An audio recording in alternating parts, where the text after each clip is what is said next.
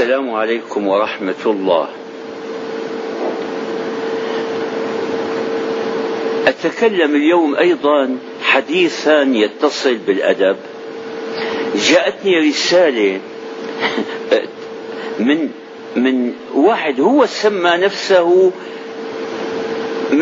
أحد شعراء الشباب وجدت قص... أولا رسالة كأنها مكتوبة بلغة يعني لغة غير عربية. ما فيها كلمة صواب. إذا تعمد إنسان ألا يأتي بكلمة من الصواب هذا يحتاج إلى علم. هذه جاء معه يعني بلا تعمد الخطأ دراكا. إذا كلمة واحدة صحيحة بعد ثلاث كلمات خطأ بعدين قصيدة والعياذ بالله.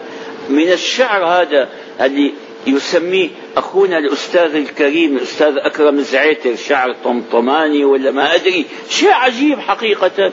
قريتها وألقيت بها. هذا ما اكتفى. فتح علي بالهاتف.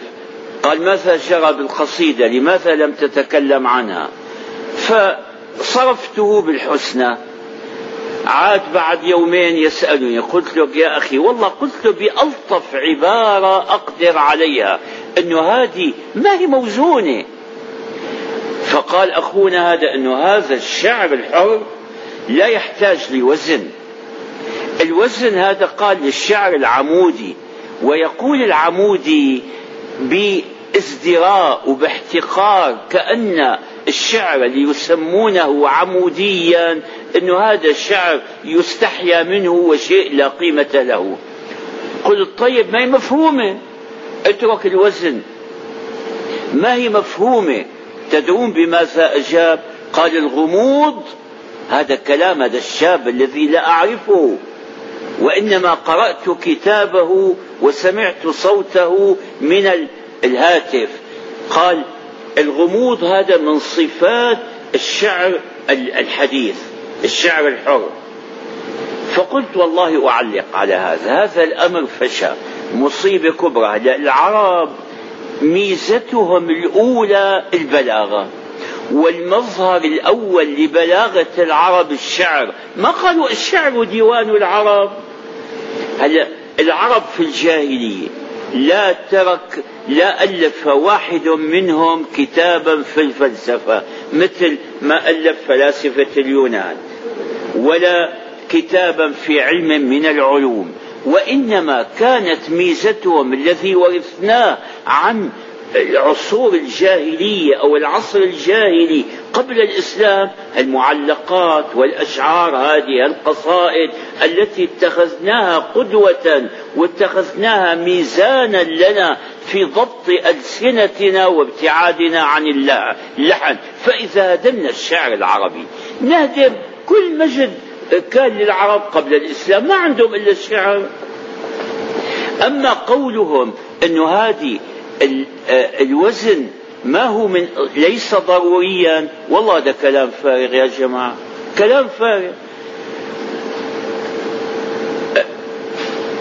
ألا في أنا ما بدي أستشهد بكلام يعني ناس من غير العرب ما محتاجين لهم لكن أقول هذا لأن بين الشباب المشاهدين من لا يطمئن إلى صحة القول إلا إذا أتيته بشاهد عليه من أقوال علمائهم وفلاسفتهم. والله طالما كنت أجادل أحيانا من قديم بعض هؤلاء آتيه بكلمة كلمة لإمام من أئمتنا أو لعالم من علمائنا أو ما يقبل بها. يقول لك هذول شيء قديم هذا ورجعي.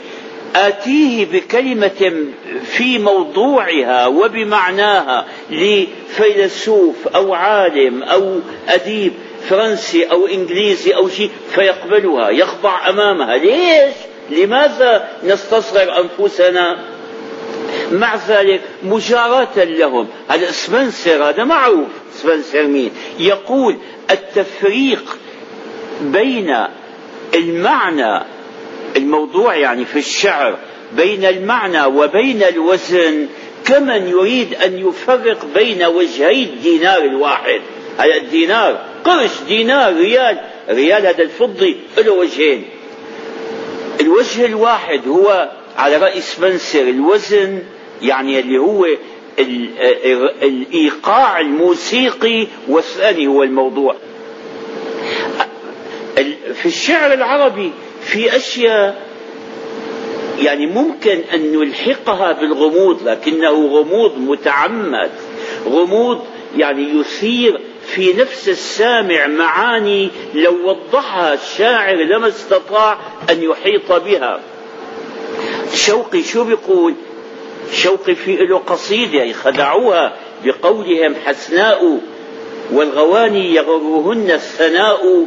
هذه قديمة قالها في شبابه بيقول في إن رأتني تميل عني كأن لم تك بيني وبينها أشياء. أشياء غامضة. شو الأشياء هاي؟ غموضها. هل جعل لها القيمة الشعرية الأدبية؟ رفعت آه، آه، من منزلة البيت. كل واحد يتخيل الأشياء كما يريد. كأن لم تك بيني وبينها أشياء. هذا هنا نوع من الغموض المتعمد الذي يفتح آفاقا للقارئ أو السامع. لو أراد الشاعر أن يصفها لما استطاع أن يلم أن يحيط بها. بمناسبة هالبيت هذا كان قديما. رافعي رافعي شيخنا رحمة الله عليه انتقد شوقي فيه قال إن رأتني إن بتعرفوا هذه لها شرط وجواب. قال ليش قال تميل؟ لازم يقول تمل الأستاذ العقاد رغم أنه كاره لشوقي في هذه كان الحق معه لا مع الرافعي.